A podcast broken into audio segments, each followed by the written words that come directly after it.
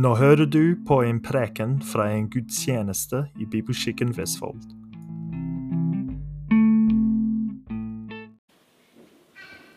Liker du en god historie? Jeg gjør, det gjør jeg absolutt. Historier holder oppmerksomheten min, og jeg pleier å huske dem bedre enn andre ting som jeg hører eller leser. Gud lærer oss mange ting i Bibelen gjennom historier. Historiene presenterer hans gjerninger. De åpenbarer hans karakter og personlighet for oss. De viser oss hvem han er. Skriften vi studerer i dag, er en historie fra Jesu liv. Det er historien om et mirakel som Jesus utførte på vei til Jerusalem.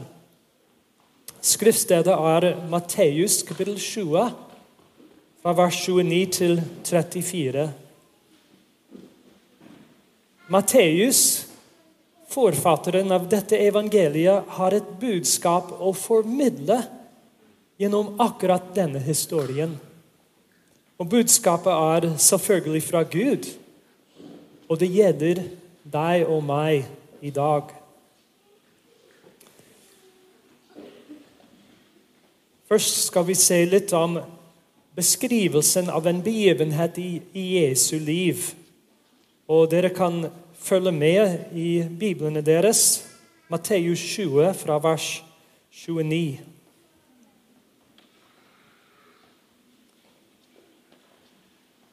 Da de gikk ut fra Jeriko, var det en stor folkemengde som fulgte etter ham. Og se, to blinde menn satt ved veien.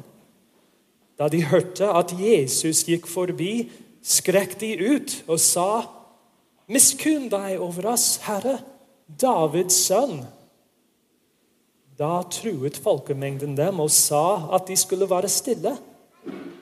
Men de ropte enda høyere og sa, 'Miskunn deg over oss, Herre, Davids sønn.'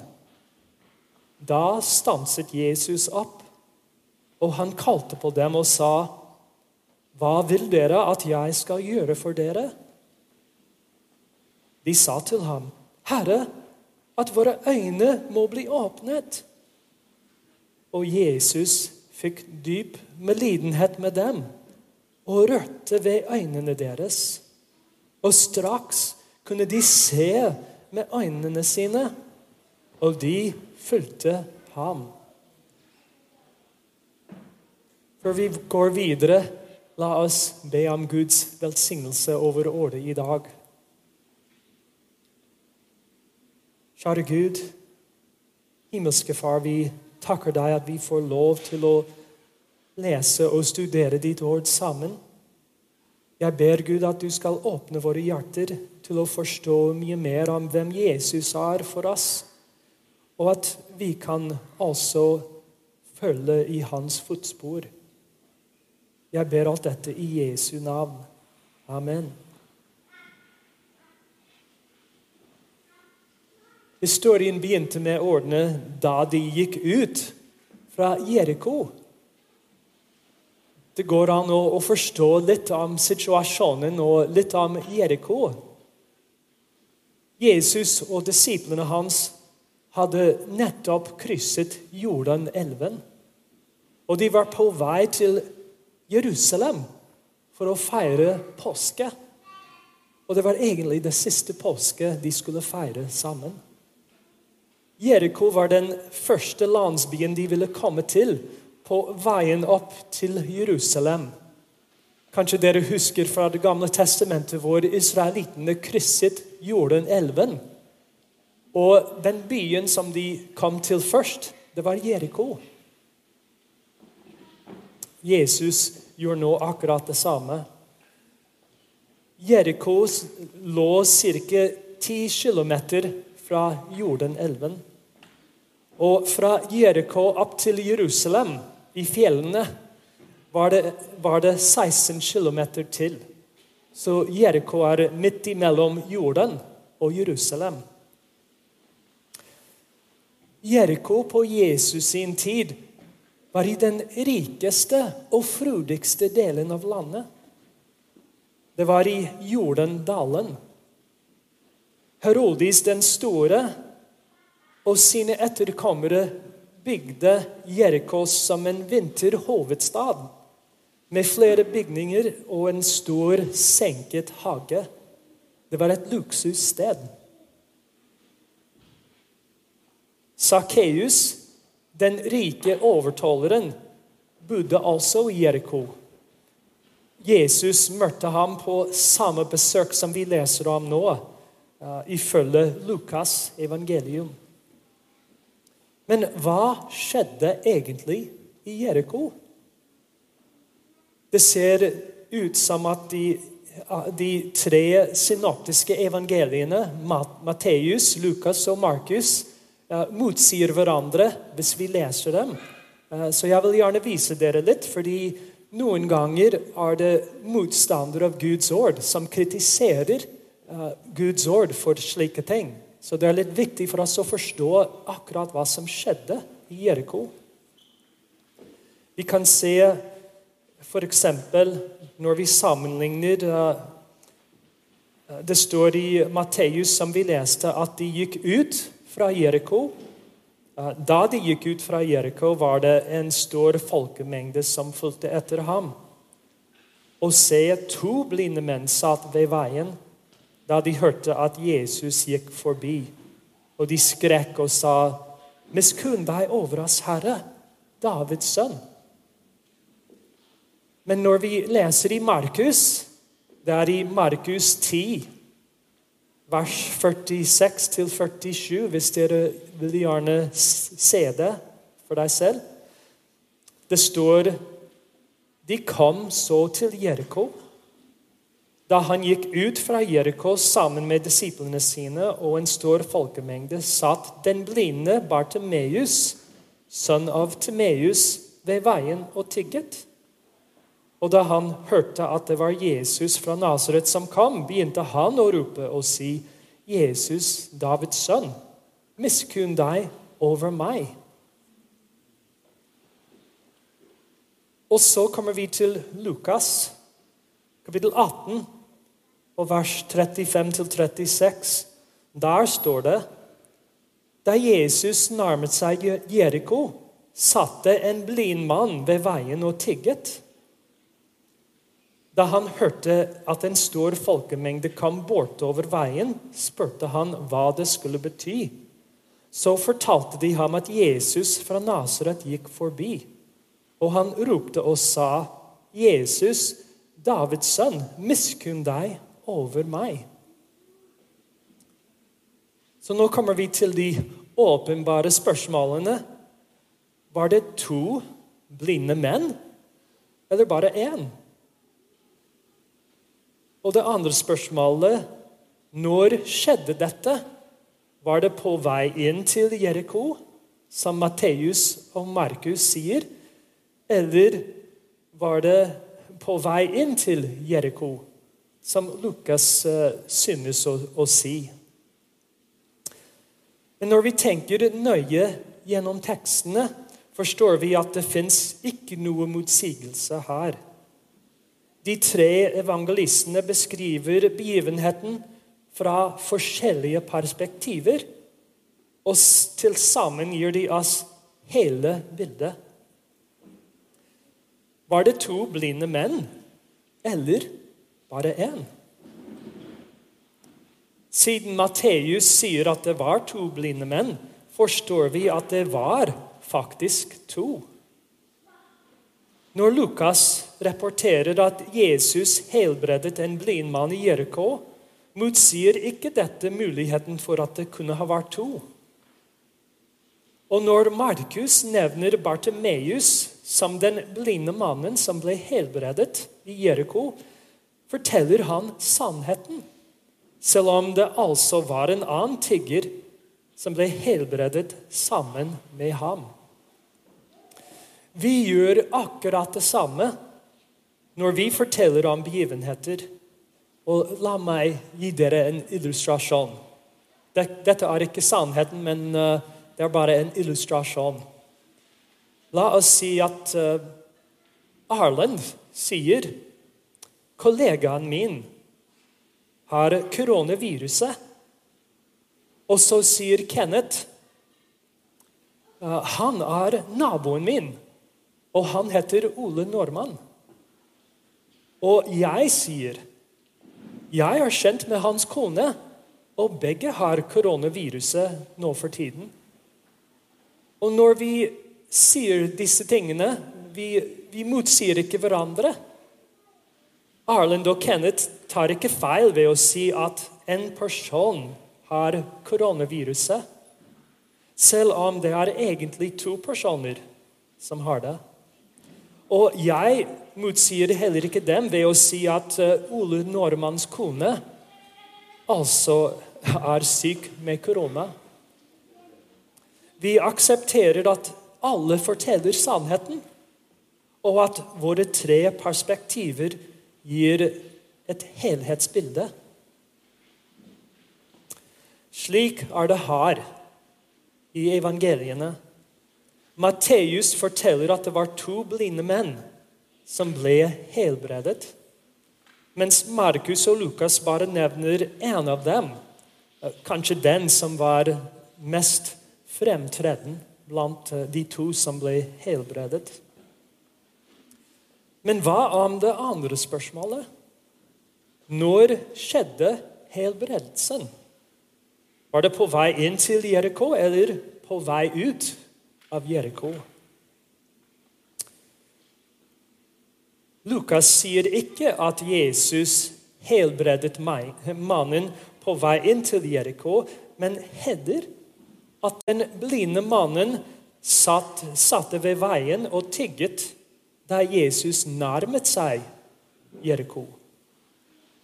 Man kunne anta at Jesus mørtet mannen på vei inn til landsbyen, men teksten sier ikke dette. Lukas legger til at den blinde mannen hørte folkemengden fra avstand og spurte hva det skulle bety. Matteus og Markus sier tydelig at miraklet skjedde da Jesus var på vei ut av Jeriko. Jesus var nemlig på vei til Jerusalem, og han måtte gå igjennom Jeriko.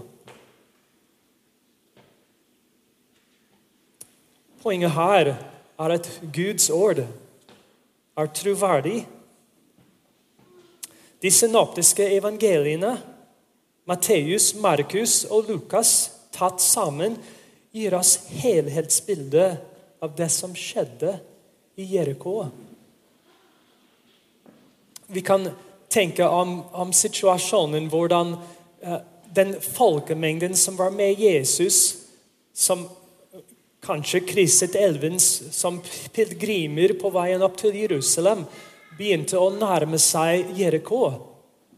Og før de egentlig kom inn i byen, kunne disse blinde mennene høre fra lang avstand at det var en stor folkemengde på vei mot dem. Og da spurte de om hva det var for noe. Og den folkemengden begynte å gå gjennom Jeriko. Og da Jesus var på vei ut av Jeriko, endelig kom han til disse to mennene som satte ved veien og tigget. Og Jesus viste barmhjertighet mot dem. Men hva er poenget med denne historien? Hvorfor er det her akkurat her i Matteus evangeliet. Vi kommer nå til det hovedpunktet i denne prekken, og det er budskapet som Matteus fremhever.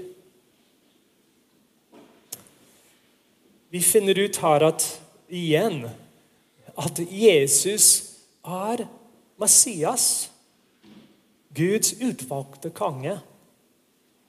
De to blinde mennene skriker ut Miskunn deg over oss, Herre, Davids sønn.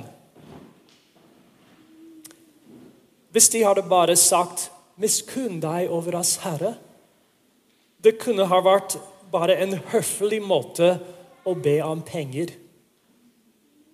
Men tittelen 'Davids sønn' forvandler forespørselen fullstendig. Disse mennene uttrykker sin tro på at Jesus er Messias. De forventer mye mer enn penger. De vil at Jesus skal utøve sin makt og autoritet som Messias på deres vegne. Og Jesus skuffer dem ikke. At Jesus er Messias, Davids sønn, er sentralt i Matteus evangeliet. Dette evangeliet åpner med ordene Boken med Jesu Kristi ettertavle, Davids sønn, Abrahams sønn. Davids sønn har et spesielt navn, reservert for Messias, Guds utvalgte konge. I 2. Samuels bok, kapittel 7 og vers 16, gjør Gud en ubetinget pakt med David. Gud sier til David, 'Ditt hus og ditt kongedømme skal stå fast foran ditt ansikt til evig tid.' Din trone skal være grunnfestet til evig tid. Profetene i Det gamle testamentet stadfestet denne pakten om og om igjen. For eksempel i Jeremia 23, vers 5-6 står det Se, dager kommer, sier Herren, da jeg skal reise opp den rettferdige spiren for David, kongen som skal være konge og gå fram i visdom og gjøre rett og rettferdighet i landet. I hans dager skal Juda bli frelst og Israel bo trygt. Dette er hans navn, som han skal kalles med. Herren, vår rettferdighet. Davids sønn betyr Messias. De to blinde mennene i Jeriko har en spesiell grunn til å appellere til Davids sønn. Det står altså i Jesaja kapittel 35, vers 4-6. Si til dem som har et engstelig hjerte, vær sterke, frykt ikke.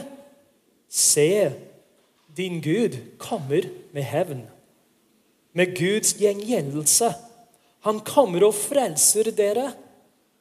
Da blir de blindes øyne åpnet, og de døves ører lukkes opp. Da skal den lame springe som dådyret, og den stumme skal juble med sin tunge. For vannkilder bryter fram i ørkenen, og elver i ørkenen.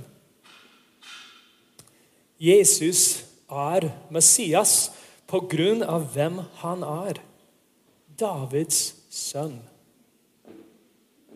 På grunn av at han er jo Davids sønn, gjør han Messias gjerninger. Han åpner de blindes øyne. Og Dette er ikke første gang i Matteus at blinde appellerer til Davids sønn på denne måten. Jeg er ganske sikker på at dere ikke husker at jeg forsynte om en lignende tekst for eh, mange mange måneder siden, i, helt i begynnelsen av Matteus evangeliet. Men jeg vil gjerne at dere skal slå opp igjen uh, med meg i Matteus kapittel 9 og vers 27-31. Det skal, det skal høres veldig kjent ut, tror jeg. Matteus 9, vers 27. Da Jesus gikk derfra, var det to blinde menn som fulgte ham. De ropte og sa, 'Davids sønn, miskunn deg over oss.' Og da han var kommet inn i huset, kom de blinde til ham.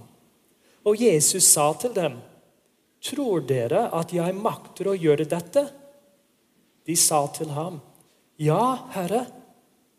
Så rørte han ved øynene deres og sa, La det skje med dere etter deres tro. Og øynene deres ble åpnet. Men Jesus formante dem strengt og sa, Se til at ingen får vite om det. Men da de hadde gått, spredte de nyhetene om ham i hele det området. Det er en annen begivenhet som skjedde i Galilea, langt fra Jeriko. Men det er interessant at disse to miraklene ligner hverandre så veldig. Vi kan se at Jesus altså helbredet to blinde menn i begynnelsen av sin tjeneste, lenge før det som vi leser her i Matteus kapittel 20. I begge tilfeller, begge disse miraklene, sier disse blinde mennene det samme, at Jesus er Davids sønn. Og de kommer til ham og appellerer til ham som Davids sønn, som har kraft til å helbrede de blinde. Men her, i kapittel 20, hvor vi er i dag, det er en annen situasjon. I kapittel 20 nærmer Matteus klimaks i sitt evangelium. Og han har en annen hensikt. Formålet hans nå er å vise at Jesus er ikke bare Messias, Guds utvalgte konge, men altså at Jesus er Herrens lidende tjener. Vi pleier å se beretningene om Jesu mirakler som uavhengige hendelser. At Jesus kan helbrede to blinde menn, viser at han har makt og autoritet. Men budskapet Matteus fremhever, bare forstås i, i sammenheng her. Hva er konteksten i Matteus 20? Husk at Jesus har forutsagt sin død og oppstandelse for tredje gang. Hvis du ser tilbake til vers 17-19, ser vi det i Matteus 20. Det er det som Jesus vektlegger med disiplene nå for tiden. At han skal gi sitt liv. Men disiplene er fortsatt opptatt av hvem skal være den største i Guds rike. Og det hørte vi om i vers 20-24 i samme kapittel. Disiplene forstår ikke Jesu rolle som Herrens lidende tjener. Og det var, det var tilfellet med de aller fleste av israelittene på den tiden. De forsto at Jesus uh, at uh, han var Messias, og de forventet uh, kongeriket som skulle komme. Det var det som de forsto ut fra Det gamle testamentet. Men de aller fleste forsto ikke at Messias måtte lide. De forsto ikke at Jesus er Herrens lidende tjener, som vi leser om f.eks. i Jesaja kapittel 53. At Jesus ville dø for våre synder.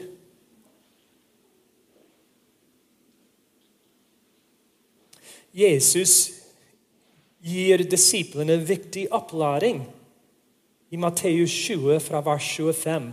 Og La oss lese igjen disse versene. Matteus 20, 25.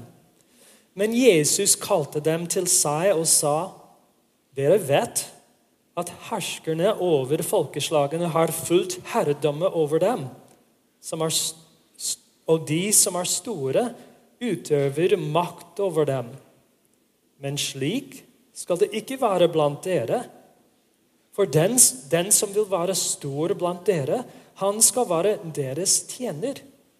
Og den som vil være den første blant dere, han skal være deres slave. Slik som menneskesønnen ikke kom for å la seg tjene, men for selv å tjene, og for å gi sitt liv som løsepenge for mange.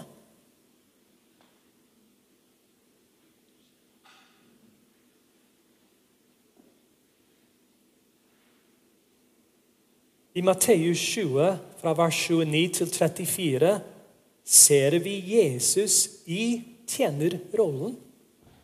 Han viser disiplene sine hva det vil si å være en tjener i praksis. Å tjene andre handler om å se til folk i deres nød. Legg merke til kontrasten i vers 31 og 32. De blinde mennenes rop var bare irriterende for folkemengden.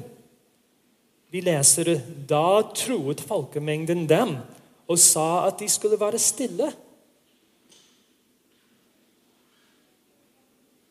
Folkemengden, i likhet med disiplene, var selvopptatt og egoistisk. De ville dele Jesu herlighet uten å dele hans medlidenhet. Men Jesus hørte de blinde mennenes rop av miskunn. Og han stanset opp og kalte dem til seg. Å tjene andre handler altså om å hjelpe på en praktisk måte.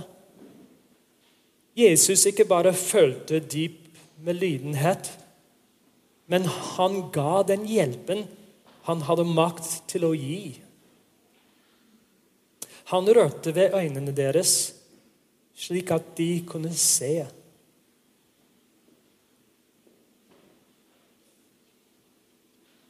Som jeg sa tidligere, Jesus reiser for siste gang til Jerusalem i Matteus 20. Hans rolle som Herrens lidende tjener finner sin klimaks ved korset. Der vil han gi sitt liv som løsepenger for mange. Han vil bli såret for våre overtredelser og knust for våre misgjerninger. Miraklet vi studerer i dag, er et skritt på veien til korset med Jesus i den tjenerrollen. Vi har håpenligvis forstått dagens tekst i sammenheng. Men hvordan kan vi bruke det?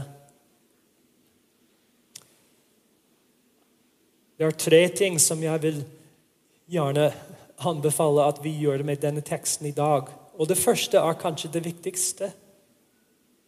Tro på Jesus Kristus som din Herre og Frelser.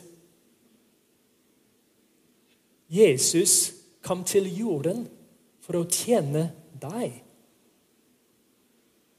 Du og jeg er lik de blinde mennene i historien. Vi er skyldige syndere i en håpløs situasjon. Vi går fortapt, og bare Jesus har makt og autoritet fra Gud til å frelse oss. Han ga sitt liv på korset som løsepenger for våre synder. Gud reiste Jesus opp fra de døde til å bekrefte at han godtok Jesu betaling på våre vegne. Du har et valg. Du kan enten forakte Guds gave til deg, eller rope til Jesus i tro. Jesus, miskunn deg over meg. Frels meg. Jesus lovet at ingen som kommer til ham i tro, vil bli avvist. Han tar imot alle som kommer til ham Jesus er Herrens lidende tjener for din skyld. Det andre ting jeg vil anbefale at vi gjør med denne teksten i dag, er, at, er å forstå at Jesus hører når vi roper til ham. Han hører. Vi kan lett identifisere oss med de blinde mennene som roper til Jesus i deres dype behov. Vi har alle hatt et stort behov på en eller, annen gang. Enten det er fysisk, åndelig eller begge deler. Hvordan kan vi vite at Jesus bryr seg om oss? Matteus 20, 29-34 åpenbarer spesielt Jesu medlidenhet. Tenk om situasjonen.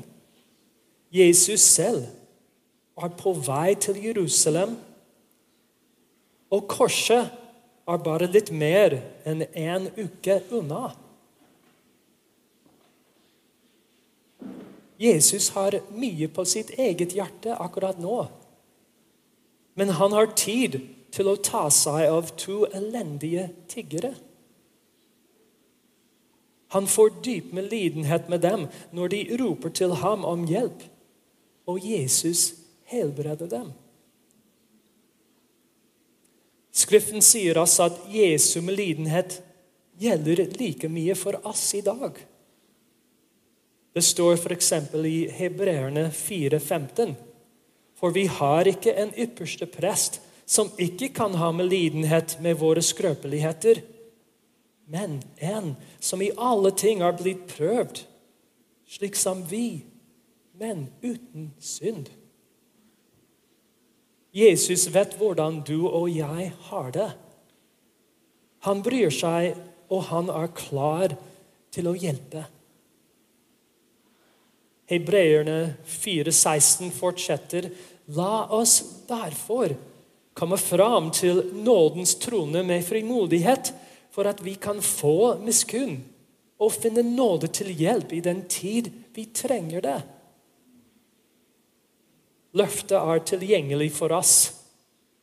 Hvis vi ber vår Herre Jesus om miskunn, skal vi absolutt få det. Det tredje ting jeg vil anbefale at vi gjør med dagens tekst, vi skal gi våre selv som tjenere for Jesus skyld.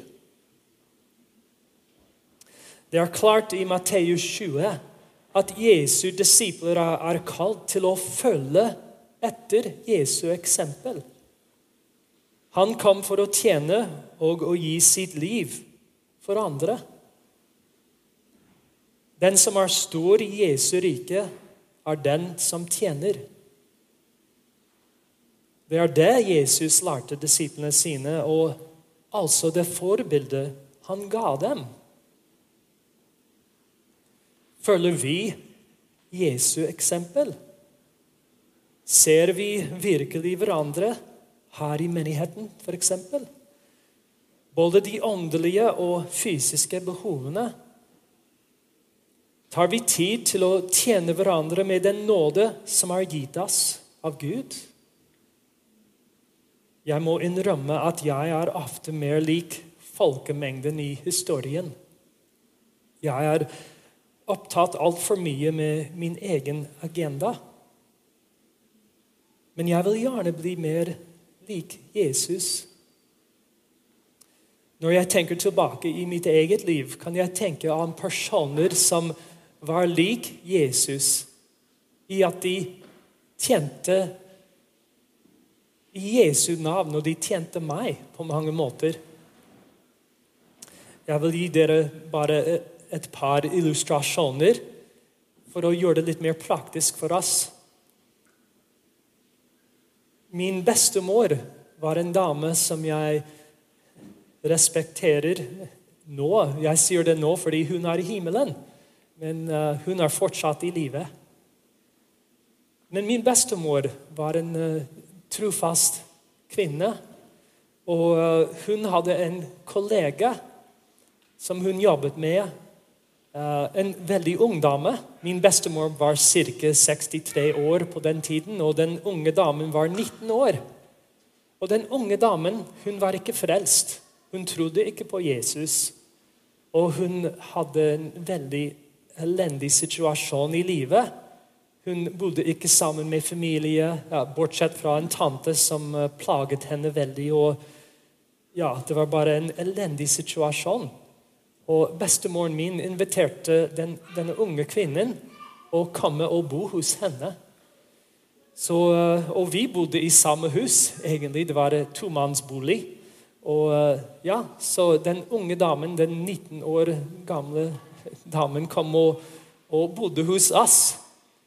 Og eh, hun hørte evangeliet.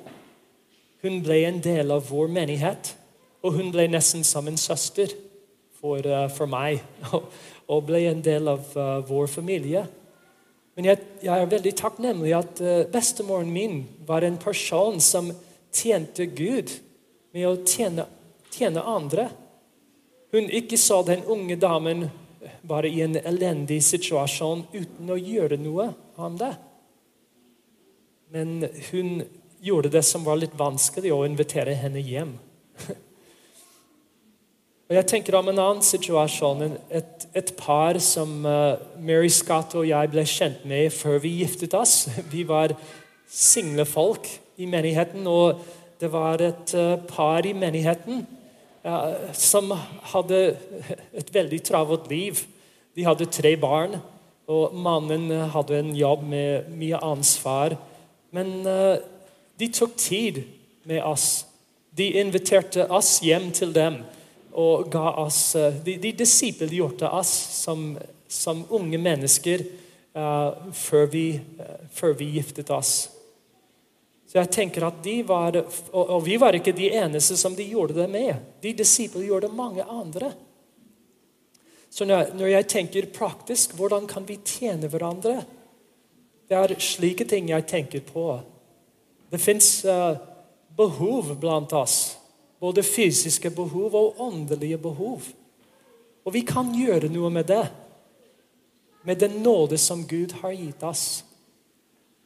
Jeg gir ikke disse illustrasjonene for å opphøye disse menneskene, for det er Jesus som er opphøyet gjennom alt dette. Så jeg håper at vi kan ta imot budskapet i historien vi har lest i dag, om hvordan Jesus er Herrens lidende tjener. Og akkurat hvordan han tjente andre. At vi tar imot dette budskapet og bruker det videre, både her i menigheten og med folk som er utenfor, folk som ikke kjenner Jesus, som trenger ham. At vi kan se slike mennesker rundt oss. Jeg vil bare avslutte med et vers fra 1. Johannes. 1. Johannes 3, 16. Det er mange gode vers i Bibelen som eh, er 3-16-vers. Men 1. Eh, Johannes 3, 16, der står det På dette har vi lært Guds kjærlighet å kjenne. At Han ga sitt liv for oss. Altså vi skylder å gi våre liv for hverandre. Må Gud hjelpe oss å ta imot og ta i bruk Hans ord i dag. La oss be sammen. Kjære Gud, himmelske Far, vi takker deg for din store kjærlighet til oss. Det som du har vist oss gjennom vår Herre og Frelser Jesus Kristus. Kjære Gud, må vi følge i Hans fotspor. Vi takker deg for ordet i dag, i Jesu navn. Amen.